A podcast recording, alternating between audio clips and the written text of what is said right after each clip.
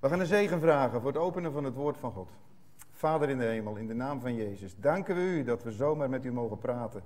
Dat u ons hoort en dat u in ons binnenste bent komen wonen. Heer, zelfs in onze gedachten, dan, uh, dan kunnen we met u spreken. U hoort ons, Heer. Liggend onder de dekens, fietsend op de weg, rijdend in de auto. Altijd bent u erbij. Heer, u ziet ons. We hebben een lied gezongen. U omgeeft ons van voor, van achter, van boven. U woont in ons. Dank u. Dichterbij kan niet, Heer. U bent dichterbij dan welk mens dan ook. Als geen mensen ons meer kunnen helpen, kunt u ons helpen. Dank u wel dat dat uw macht is, uw almacht. En we zien uit, Heer, wat u gaat doen in ons hart deze morgen. In de naam van Jezus. Amen. Ik dacht eigenlijk bij de liederen die we zongen. De liederen waren voor mij zo sterk dat er iemand moet zijn die God aangesproken heeft door de liederen.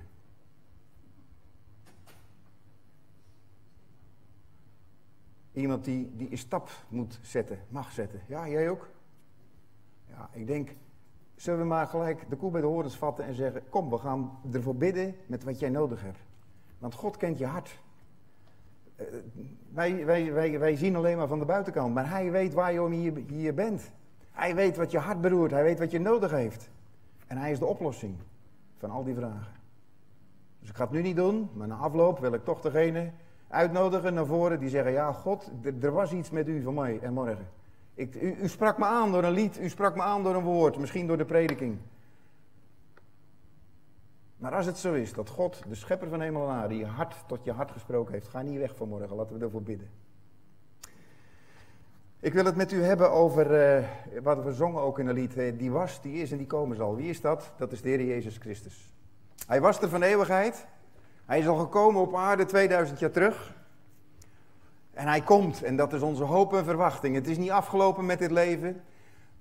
Maar we hebben iets te goed. Als je in dat koninkrijk, er zijn twee koninkrijken. Het koninkrijk van de tegenstander van God en het koninkrijk van Jezus Christus. En degenen die horen bij het koninkrijk van Jezus Christus hebben gezegd: Heer Jezus, u bent mijn koning. Ik wil u onderdaan zijn en als u mijn koning bent, wil ik ook uw, ja, u dienen in dat koninkrijk. Ik wil helemaal in dat koninkrijk zijn. Ik wil niet, ik wil niet een beetje meelopen, ik wil een koninkrijkskind zijn. En misschien zegt u wel van ja, ik wil een koninkrijkskind zijn. Ik wil niet een beetje kerkelijk zijn, een beetje religieus, maar ik wil deel maken van die koning die komen gaat.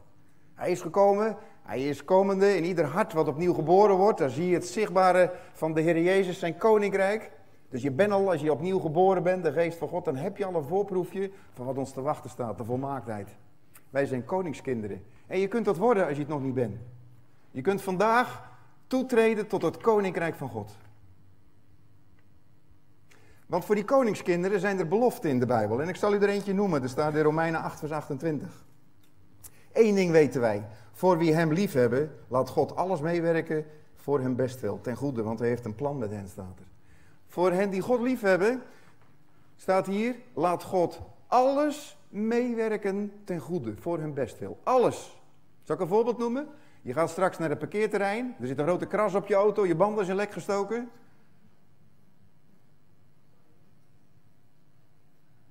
hey, let op, vanaf nu zijn al dit soort dingen werken mee ten goede. Niet vergeten? Je gaat naar huis toe, morgen wordt de dokter gebeld, ik heb pas weer zo'n... Ja, ik durf het eigenlijk niet te zeggen. Maar ik zeg het toch maar wat ik gedaan heb. Een poeptest. Ken je dat, zo'n poeptest? Als je, ik weet niet of iedereen dat krijgt, maar één keer in de twee jaar, dan moet je in de badkamer wat papiertjes neerleggen en dan, uh, ja, ik, ik weet niet hoe jullie het doen, maar dan moet je met zo'n plastic stokje erin en dan moet je dat opsturen. Nou, het was weer goed. Maar stel dat ik een brief had gekregen, het is niet goed. Hé, hey, dan nog, geldt dit vers, of niet? Dan geldt dit vers, hè? Want ten onder staat, zelfs de haren van je hoofd zijn alle geteld. Wees niet bevreesd, gij gaat vele mussen te boven. Mijn haren zijn geteld door mijn schepper. Er is niks wat hij niet weet over mij. Niks wat hij niet mag weten. Niks, niks wat ik hem wil onthouden, want hij is mijn koning. Ik ben een koningskind. En alles van mij weet hij. Hij weet wat er morgen gebeurt, of mijn auto in brand staat nu. Hij weet of mijn huis ingebroken is. En al die dingen laat hij meewerken ten goede. Ja, maar ik ben, ik kan dit niet meer, ik kan dat niet meer. Jongens weten wat ik allemaal niet meer kan. En hij zegt, ik laat het allemaal meewerken ten goede. Zelfs mijn lasten in het leven. En ik wil jullie meenemen, ik geef in Krabbendijk ook bijbelstudie aan, aan een groepje mensen uit de kerk daar. En er is een jonge knul, Sjoerd heet hij. En ik wil, ik wil even zijn getuigenis laten horen, als het lukt.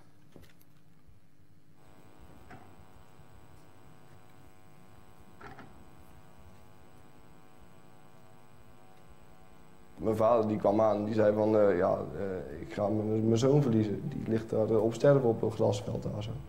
Hoi, ik ben Sjoerd. Ik heb door een ongeluk wat ik heb gehad in mijn leven God heel dichtbij ervaren. Ik ben vanaf mijn, zevende in een rolstoel terechtgekomen. Dat had te maken met het feit dat ik op een woensdagmiddag eigenlijk moest gaan afzemmen voor mijn, voor mijn A-diploma. En vervolgens zei ik tegen mijn vader en moeder van ik ga nog even spelen op speelveldje. Ik was aan het spelen en op een gegeven moment struikel ik. En vervolgens kwam ik best wel hard op mijn linkerzij terecht waardoor ik uh, niet zo snel overeind kan krabbelen. Nou, zou je denken van waarom is dat nou zo, uh, zo belangrijk? Nou, dat kwam omdat op die woensdagmiddag eigenlijk het gras aan het maaien waren van de gemeente. Zo'n grote zitmaaier. En uh, die man die maaier zag mij niet liggen. Die man die kijkt niet voor zich, waar ik lag, maar hij kijkt eigenlijk rechts van zich. En rechts van zich, daar staan een aantal paaltjes, een sloot met een aantal paaltjes omheen. En hij maait eigenlijk om die paaltjes heen. Vervolgens maait hij over mij heen. En ben ik, ja, ben ik eigenlijk overreden door een grasmaaier. Was gewoon bij kennis. Ondanks dat ik overal open lag, mijn, mijn been lag, lag helemaal open, lag zo met een paar touwtjes aan elkaar zou je zeggen. Mijn hand lag open, mijn buik lag open, mijn, mijn hoofd lag open. Er was echt superveel kapot. Ben met traumahelikopter ben ik naar het ziekenhuis gebracht in Rotterdam. Toen ik er aankwam hebben, ze eigenlijk alles gedaan om mij in leven te houden. Dus het eerste wat ze hebben gedaan in het ziekenhuis is eigenlijk um, is het bloeden gestopt. Toen ze op een gegeven moment dat bloeden gestopt hadden, ik lag stabiel tussen haakjes. Hebben ze gekeken van wat is nou eigenlijk de schade. Nou, dat, dat been dat moest uh, worden geamputeerd. Ik ben een stukje van mijn duim ben kwijtgeraakt. Op een gegeven moment hebben ze ook een hersenscan gemaakt. En uit die hersenscans, dat, dat zag er echt niet goed uit. Er kwamen een heleboel zwarte gebieden uit. Er was uh, bloedingen, kneuzingen, dingen, dingen gewoon afgestorven. En vervolgens uh, zijn ze toch gaan opereren. En het was maar de vraag hoe, of ik wakker zou worden. Ik ben eigenlijk, ja, tien dagen heb ik op die C gelegen. Hebben ze eigenlijk alles gedaan om mijn leven te houden hebben ze me kunstmatig in coma gehouden. Na die tien dagen was de vraag hoe ik wakker zou worden. De vraag of ik nog wakker zou worden. Als ik wakker zou worden, zei de dokter, dan wordt iemand die verstandelijk beperkt is. Ik werd wakker en ik herkende mijn vader en moeder. Ik kon kleine dingen uitvoeren, kleine handelingen. En dat was een gigantisch wonder. En het mooiste is ook, als je niet in God zou geloven, die dokters zeiden dat. Als je niet in God zou geloven, dan zou je het nu spontaan doen. Want wij kunnen dit niet verklaren. Dit is een medisch wonder. Ik ben na ruim een maand op de, op de afdeling hebben gelegen in het ziekenhuis, ben ik naar het revalidatiecentrum gegaan in Rotterdam. Ja, dan ga je alles weer opnieuw leren gebruiken. Dus ja, dan moet je opeens handig worden in een rolstoel. Voor het ongeluk was ik een kind wat voetbalde en noem maar op allemaal. En ik was met mijn vrienden leuk bezig. En ja, dan gebeurt een ongeluk en dan denk ik, ja, uh, dat houdt misschien op. Maar toen ik thuis kwam en uh, toen had ik nog steeds dezelfde vrienden en ik deed nog steeds dezelfde dingen. Als ik voor het ongeluk voetbalde, dan, uh, dan deed ik het op twee benen. En na het ongeluk voetbalde ik op mijn kont. En dan, sloeg ik niet, uh, dan, dan schopte ik niet met mijn been nog tegen de bal. Maar dan had ik een grote motorhandschoen aan en dan ramde ik die bal in de kruising. Maar op een gegeven moment kom je in de puberteit natuurlijk en dan vervolgens ga je over dingen nadenken en dan ga je ook, ja, dan ga je jezelf ook vragen stellen. En ik stelde me vraag, joh, me best wel redelijk vaak de vraag van uh, waarom overkomt mij dit? En waarom heb ik dit nou gekregen, dit ongeluk, en waarom niet iemand anders? Uh, als ik mezelf die vraag stelde, dan wist ik van mezelf en ik, kom, ik krijg er toch geen antwoord op. Ik ik, eh, ik weet niet wat het, wat het doel, het plan hiervan is. Op dat moment niet, laat ik het zo zeggen. Het mooie is, na het ongeluk heb ik ook weer juist een heleboel andere kwaliteiten uh, kwamen van mij weer naar boven, zeg maar. Mijn uh, familie is best wel een sportfamilie. En na het ongeluk zat ik nog steeds in diezelfde familie, die, namelijk die sportfamilie. Die jongens gingen allemaal voetballen, en mijn zusje ook en, en, noem maar op. En ik ging natuurlijk ook weer op zoek naar een sport die ik nog kon doen. En toen ben ik eigenlijk via de fysiotherapie ben ik bij de rolstoelhockey terechtgekomen. Dat doe ik nu nog steeds. En uh, uh, dat doe ik ondertussen al 20 jaar ongeveer. En daar ben ik, ook, daar ben ik wel redelijk goed in, uh, geworden. Zeg maar. Ik heb, ben opgeklommen, ik ben vanaf laag begonnen en vervolgens heb ik, speel ik nu een aantal jaren op het hoogste niveau van Nederland. Dus dat laat ook zien op het moment dat jij je grens probeert te verleggen en je gaat er volledig voor, dan, dan ga je ook dingen bereiken. Je kan natuurlijk een heleboel vragen hebben en twijfels hebben, maar ik, ik zie wel dat God nu steeds meer een plan met mijn leven heeft. Ik heb wel een verhaal te vertellen. Dus dan kan je ook weer wel gaan getuigen van, eh, van je geloof en, en waar je je hoop vandaan haalt. Ondanks dat er eigenlijk totaal geen hoop meer was. Want mijn vader die kwam aan die zei van uh, ja, uh, ik ga mijn zoon verliezen. Die ligt daar op sterven op een grasveld daar zo. Ja, en dan ben ik nu 26 jaar en ik, ik werk in, op school en ik help leerlingen. een, een voorbeeld van hoe God kan werken, dat, dat bestaat eigenlijk niet. Ik geloof niet dat God dit ongeluk aan mij gegeven heeft van kom maar shoot en dan ga ik eens even lekker mijn, mijn werk daar doorheen laten zien. Want zo denk ik niet dat het in elkaar zit. Ik denk dat God niet heeft gewild dat ik een, uh, dat ik een ongeluk kreeg. Hij heeft wel door het ongeluk heen heeft hij heel goed laten zien van ja maar wacht even, ik ben er ook nog. En daardoor kan ik ook getuigen inderdaad van, van God die, die een gigantisch wonder heeft gedaan zeg maar. Um, ik denk niet dat, nogmaals, dat dit ongeluk van God komt. Maar wel dat hij er iets, uh, iets heel moois mee, mee gemaakt heeft. Ja.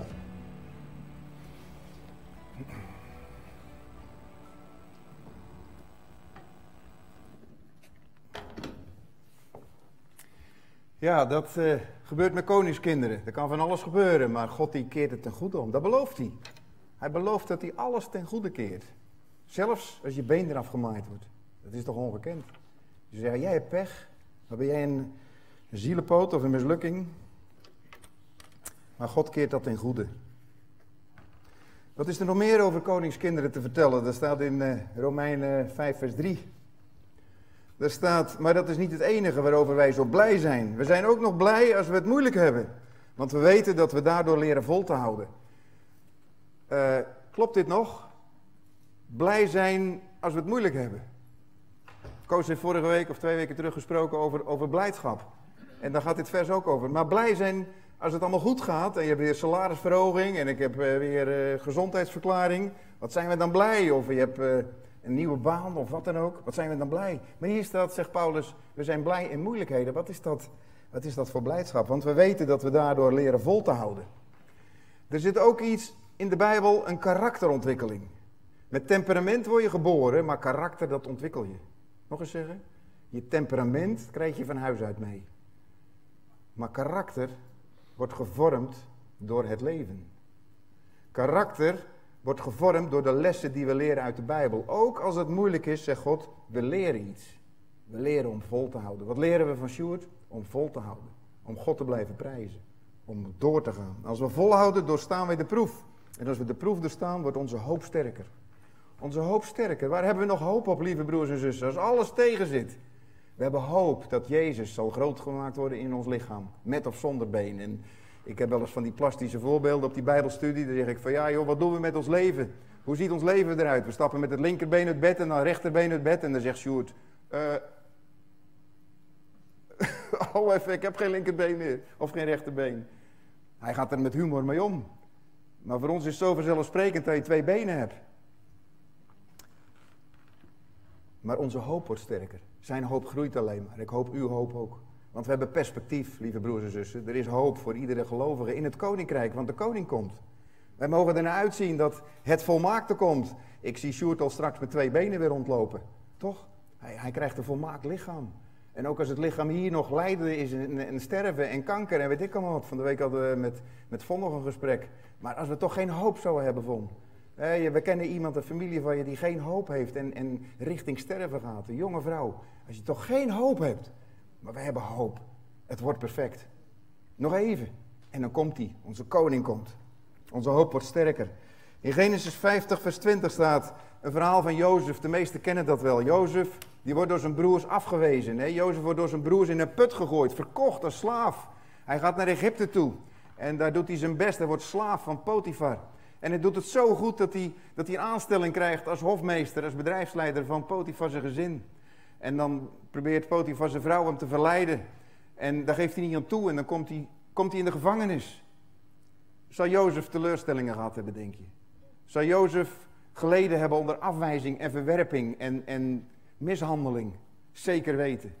En hij doet in de gevangenis, heeft hij hoop en hij gaat door om het goede te doen. En hij doet het zo goed dat hij weer helper wordt van de gevangenisbewaarder. En hij gaat andere gevangenen verzorgen. En dan komt hij bij de bakker en de schenker. Ik weet niet of hij het verhaal kent. En dan legt hij een droom uit en dan zegt hij, denk je aan me als je weer vrij bent? En drie jaar lang hoort hij niks, want ze denken niet meer aan hem.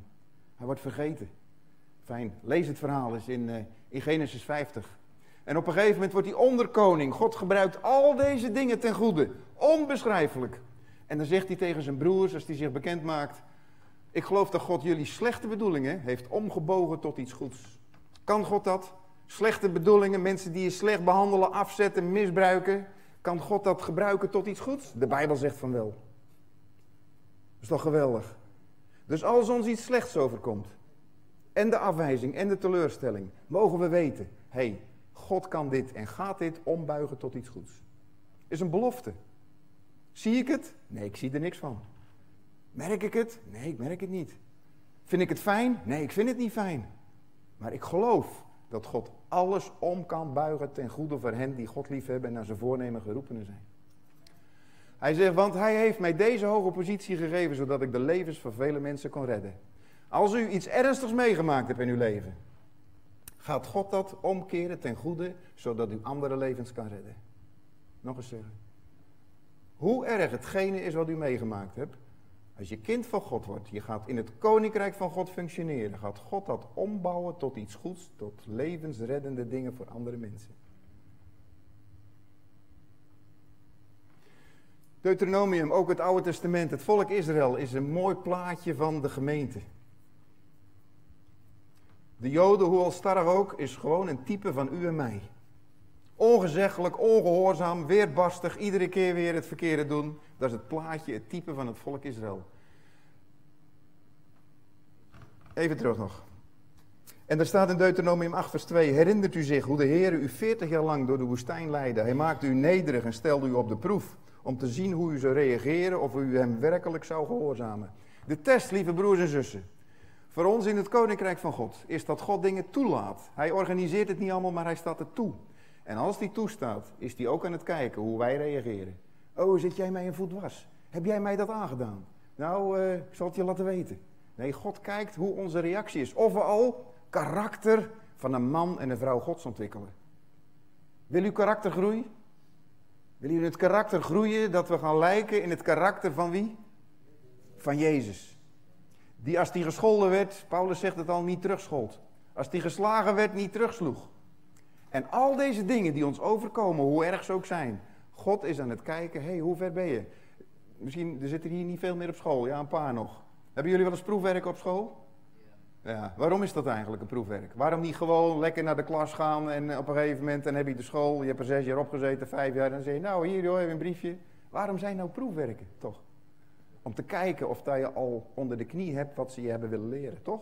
Zo simpel is het op school. Zo simpel is het in het leven. Iedere keer gebeuren er dingen en God die laat, hij weet het natuurlijk al, maar hij laat ons de spiegel zien. Hey, je dacht zeker dat je heel wat was al van jezelf, toch? Dat je al aardig op Jezus leek. Ik zal je eens even laten zien wat er diep van in je hart nog moet veranderen. Nog een stukje reiniging, nog een stukje schoonmaken. Net als een diamant. Iedere keer de diamant slijpen, die ziet die mooie diamant en denkt, hey, nog een keer op die machine, nog weer een facetje. Ah, dan schittert die nog mooier zeg. En de vonken vliegen eraf soms. Maar dat is de beproeving van het volk Israël. 2 Korinthe 4 vers 15. Het is allemaal ter wille van u, zegt hij tegen de Corinthiërs. Hoe meer mensen voor Christus gewonnen worden, hoe meer mensen God voor zijn, door zijn, voor zijn grote genade zullen danken en prijzen. Hoe meer mensen het ontdekken dat ze uit genade leven, des te meer gaan we zeggen, oh, Heer, dank u. Ik weet niet of dat u het kent als u christen bent. Ik heb wel eens van die stomme dingen. En dan denk je, ah, had ik niet moeten doen, maar dank u Heer. U hebt het al vergeven aan het kruis. Dank u voor de vergeving, ken u dat? Danken dat al vergeven is wat je fout gedaan hebt. Danken voor de vergeving die hij al betaald heeft. Tuurlijk, het is goed om je zonde te beleiden. Maar ik heb ook mogen leren om al te danken. Dat ik denk, eh, ben u nou daar ook voor gestorven? Eh, moest dat nou? Heb je wel eens van die stomme dingen? Heb je dat wel eens? Dat je stomme dingen doet of niet? Naar mensen toe? Opmerking? Jullie niet, ik wel. Af en toe doe ik stomme dingen en dan maak ik fouten. En dan denk ik, oh, dank u wel, ik mag weer verder. Mag weer verder. Daarom geven wij het niet op. Hoewel ons lichaam zwakker wordt, wordt onze innerlijke kracht met de dag groter. Onze moeilijkheden en pijn zijn uiteindelijk niet zo groot en zullen ook niet zo lang duren. Maar het gevolg ervan is dat wij voor altijd in Gods heerlijke nabijheid zullen leven. Er is pijn en er is ellende. En degene die veel pijn hebben, pas zei een broeder tegen mij, zeg, wat moet Jezus dan veel pijn gehad hebben? Ik heb het hier en misschien tijdelijk, maar het komt ten goede. God keert het om. En als onze pijn bij mag dragen, dat we getuigen mogen zijn van hem, denk je dat Stuart pijn gehad heeft, vreselijk. En nog als hij natuurlijk anderen ziet huppelen en voetballen, doet dat wel wat van binnen. Maar we leren God te loven en te prijzen in wat we wel zijn. Hebreeën 12 vers 11. Er staat, niemand vindt het prettig terecht gewezen te worden. Op het moment zelf worden we er alleen maar verdrietig van.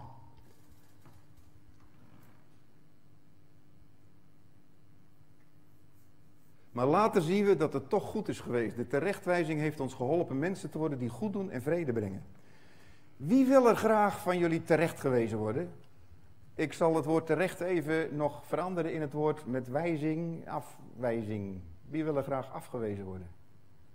Niemand. Nee, we willen, in de mens willen we allemaal gekoesterd worden, gewaardeerd worden. Zeggen, fijn joh dat je er bent, toch? We willen toch niet teleurgesteld worden, afgewezen, terechtgewezen. Dat heb je fout gedaan. Oh ja, ja, je had die fles niet moeten laten staan. Die stoelen staan te dicht bij elkaar. Uh, het geluid is niet goed. Uh, weet ik veel wat. Verzin nog eens wat. Wij willen toch niet graag terechtgewezen worden. We willen zeggen, fijne zangdienst was het. Uh, fijne zangdienst. Niet van, ja, het wat harder moeten spelen, wat harder moeten praten. willen we toch niet horen, liever? Toch zegt de Bijbel terechtwijzing. Op het moment is het niet fijn, maar het heeft ons geholpen mensen te worden die goed doen en vrede brengen. Dus de eerstvolgende keer als iemand jou terechtwijst of afwijst, wat denken we dan? Dan denken we aan Hebreeën 12 vers 11. Dan denken we, ah, weer een kans om goed te doen en vrede te brengen. Er wordt weer aan mij geschaafd. Dank u Heer, dat er weer een paar vonkjes weg zijn. Waarom hebben jullie dat nog niet? Zullen we het gaan toepassen bij elkaar? Ah, even de fouten van een ander. Eh, is er iemand die. Je hebt je voeten niet geveegd. Uh, nou ja, goed. Bedenk eens wat, maar pas het eens op jezelf toe. Steek dus de handen uit de mouwen en ga stevig op je benen staan. Lieve broer en zus, ga stevig op je benen staan, want je bent een koninkrijkskind. Of niet? Een koningskrijk, kijk, koninkrijkskind. Koninkrijkskind. Daar werken alle dingen mee ten goede. Zelfs terechtwijzing, zelfs afwijzing, zelfs lekke banden, zelfs in een put gegooid worden, zelfs verkocht worden. Alles werkt mee ten goede. Dat, die tekst geloven we toch? We houden ons aan het woord vast. Vanmorgen sprak ik een echtpaar, die hebben zo ontzettend veel strijd. Zo ontzettend veel teleurstelling. Zo ontzettend veel moeilijkheden. Er is eigenlijk geen lichtpuntje te zien. En toch geldt wat het woord zegt. God doet alle dingen meewerken ten goede. Ben u failliet? Heb u corona? Ernstig? Nog steeds klachten erover? Geen huis kunnen krijgen? Slechte boodschap van de dokter gehad? Slecht werk op het... Alles doet God meewerken. Alles? Zit je in de put? Is het zwart even boven je? God doet het meewerken ten goede. Yvonne en Egbert, welkom. Ik weet nog dat ik aan je ziekbed zat. In België in het ziekenhuis. 3% kans om overleving. Je kon niet meer bidden. Je kon geen woord meer over je lippen krijgen. En dan staat er in de Bijbel, de Heilige Geest spreekt met onuitsprekelijke verzuchtingen als wij het niet meer kunnen. En heeft het gedaan in je leven. Je zit er nog na zoveel jaar. Wonder van God. Wonder van God. Geweldig. En we bidden voor broeder Von, dat hij ook volledig voor 15 jaar er nog bij krijgt van God. Dus die 80, dan kan het wel, toch? God bepaalt het. Beste komt nog. Steek de handen uit de mouwen en ga stevig op uw benen staan. Laat je niet ten onder brengen. Jacobus 1 vers 3, nog zo eentje. Wees dan maar blij, want als de weg ruw is, kan uw geduld groeien. Ach, mijn moeder had het er wel eens over. Ze zegt, jongen, in het leven... En toen we verkering kregen, toen zag ze haar eigen leven. Jong de man verloren, vier kinderen als weduwe en, en afgezet en weet ik allemaal wat.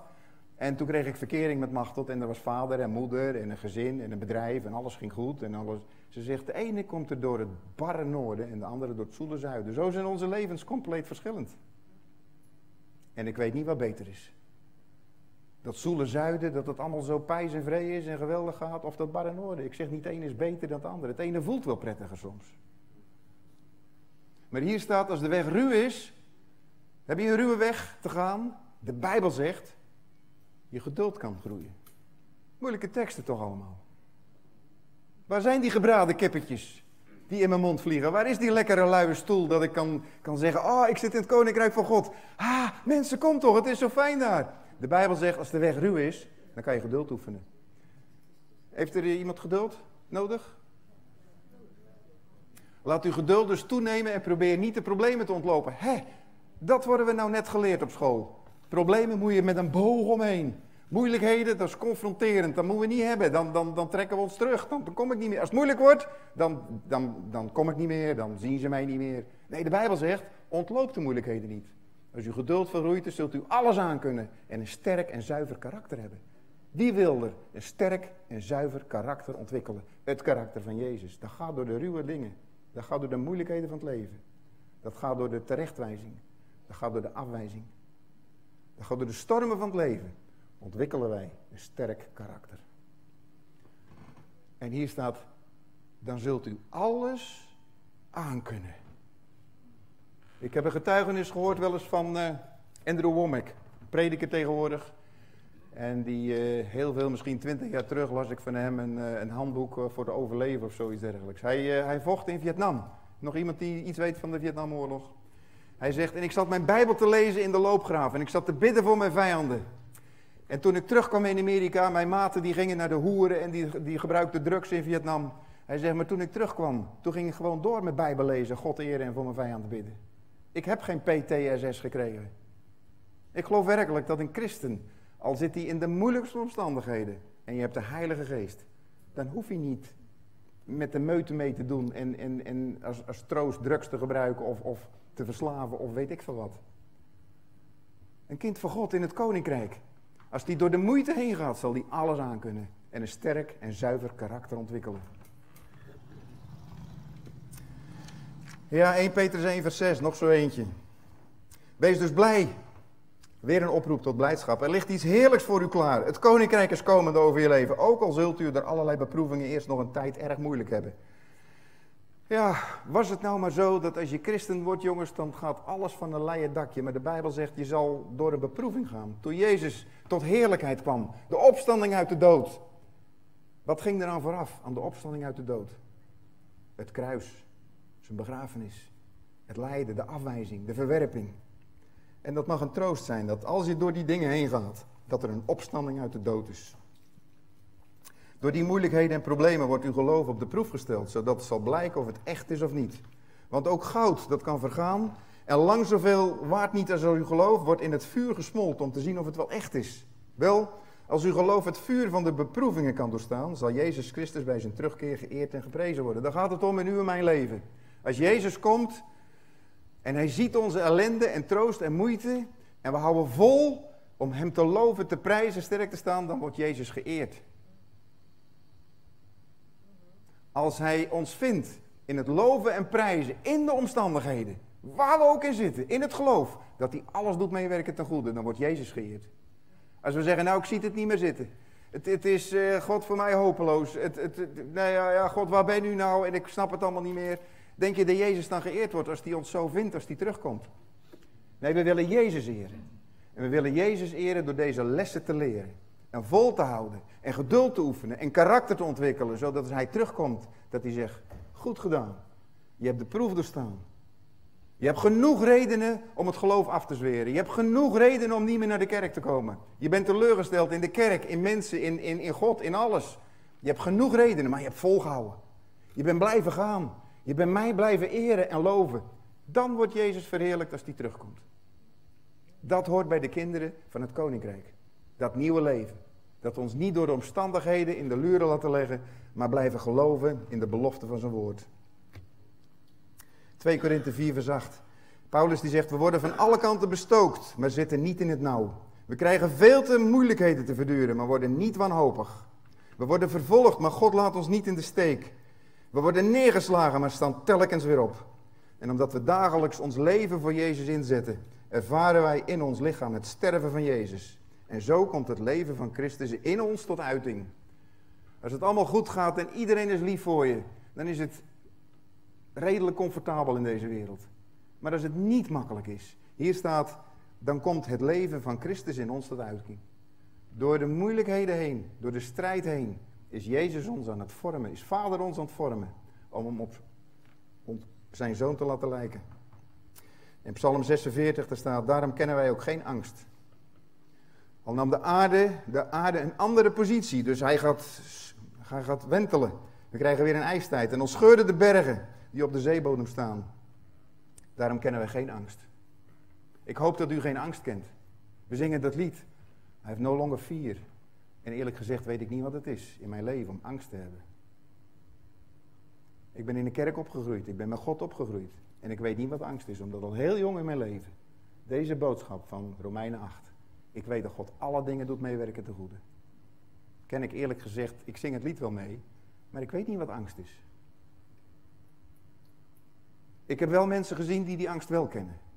Dus er is angst, ook bij kinderen van God. Maar er is er hoop. Er is een belofte dat als je angst hebt, en misschien zitten hier mensen die angst hebben in hun leven, dan zou ik zeggen, ga niet met angst de deur uit. Jezus kan zo die angst van je afnemen. Als jij bereid bent om te zeggen, Heer, hier, hier ben ik met lege handen, ik heb u nodig. Ik heb angst in mijn leven, neem het van me af. Dus ga niet weg als je nog angst in je leven hebt. Als we dadelijk afsluiten en mensen gaan pannenkoeken eten, kom dan naar voren toe. Dan gaan we bidden dat die angst, dat God het van je afneemt. Dus angst hoeft een christen niet te hebben. En hij heeft een belofte achtergelaten. Zie ik, zegt Jezus, ben met u alle dagen tot aan de verleiding der wereld. Koningin Emma die heeft een boekje geschreven. Eenzaam, maar niet alleen. Nog eens zeggen? Eenzaam, maar niet alleen. Of misschien zou je kunnen zeggen alleen, maar nooit eenzaam. Zo kan het misschien ook wel. En ik hoor getuigenissen van mensen die alleen zijn door omstandigheden in het leven. Die zeggen, ik ben nooit alleen. Hij is altijd bij mij. En we hebben het lied gezongen. Hij is voor me, achter me, links, rechts, in me. Een kind van God in het koninkrijk is nooit meer alleen.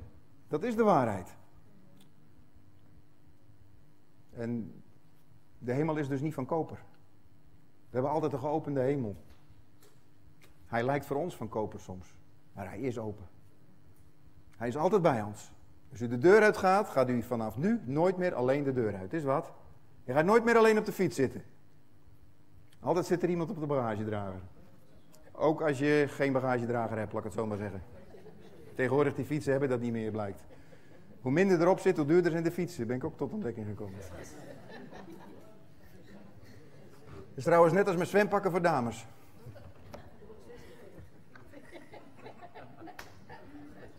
Maar lieve mensen, als we dat nou eens meehouden, dat niets, niets wat ons kan overkomen, God, mijn vader, mijn koning uit de hand loopt. Ben u dat eens? Want het woord zegt het. Niets. Ziekte niet, teleurstelling niet, depressie niet, diepe gaten niet, putten waar Jozef in zat niet. Zelfs de dood niet. Dat is toch geweldig. En alles laat God meewerken ten goede. Dus vanaf nu hebben we nog problemen in het leven? Uitdagingen. Maar geen problemen. Moeilijk hè? We hebben geen problemen meer, we hebben geen angst meer, we hebben alleen uitdagingen en Hij is altijd bij ons. Amen. Gaan we daar maar over bidden. Vader in de hemel. Ja, misschien een moeilijke les, maar voor mij wel een diepe les, Heer. Dat u alle dingen, altijd, overal, te allen tijden, in alle onderwerpen, doet meewerken ten goede. Ieder ding wat ik niet begrijp, ieder ding wat ik moeilijk vind, ieder ding waar ik in teleurgesteld ben, iedere keer de ding waar ik in terecht gewezen word, ieder ding waar ik fouten in maak zelfs, mijn eigen stomme dingen, mijn eigen zonde soms, doet u meewerken ten goede. Heer, een onbegrijpelijke genade. Bovennatuurlijk, het is goddelijk dat u dat doet. Heer, en ja, ik, ik zou willen bidden, geef u ons alle dat geloof in uw woord en uw belofte. Wat rotsvast is en wat ook waar is. En door de kerkgeschiedenis bevestigd wordt met zoveel getuigenissen van mensen die voor ons geleefd hebben en nog leven. Dank u voor het getuigenis van Sjoerd. Dank u voor het getuigenis van zoveel hier in de kerk die dit meegemaakt hebben en nog meemaken. Dank u Heer dat het beste nog komen gaat. Dank u voor uw belofte. U onze koning willen we eren. U onze koning willen we verwelkomen als u terugkomt op deze aarde. En ik bid, Heer, voor mezelf en voor ons allen, dat u ons zo bezig zal vinden met een karakter wat op u is gaan lijken. Beproefd. In volharding, in geduld, in liefde, in trouw, in bewogenheid, in bezonnenheid, in zelfbeheersing. Zegen ons, Heer, met uw heilige geest in Jezus' naam. Amen.